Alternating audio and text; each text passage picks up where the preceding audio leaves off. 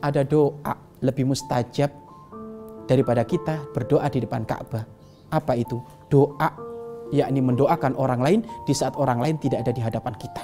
Tengah malam, nggak ada orang yang bangun, keluarga kita tidur, kita ngangkat tangan doa untuk tetangga kita, untuk saudara-saudara kita, orang-orang yang kita dengki, orang-orang yang kita benci. Kita doakan semuanya dengan kebaikan, maka saat itu hati kita bersih dan kita akan dapat sama. Nah, dapat sah, sama. Tapi ini memang berat. Selama ini kita kalau berdoa kan egois. Selama ini kalau berdoa, masya Allah, yang kaya siapa? Kita. Yang pakatnya tinggi siapa? Kita. Yang panennya banyak siapa? Kita. Yang duitnya banyak siapa? Kita. Kita kita terus. Kita itu kalau doa egois.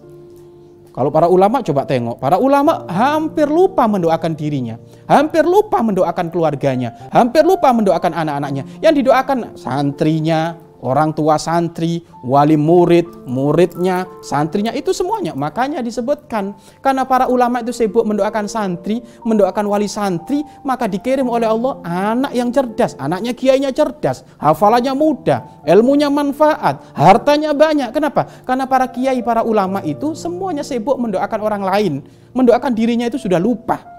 Dan kalau orang sudah bisa mendoakan orang lain, hatinya bersih. Maka pastikan wahai pemirsa, kapan di dalam hati kita ada dengki, ada hasut, maka ayo kita perangin, doakan orang yang kita dengki, doakan orang yang kita hasut.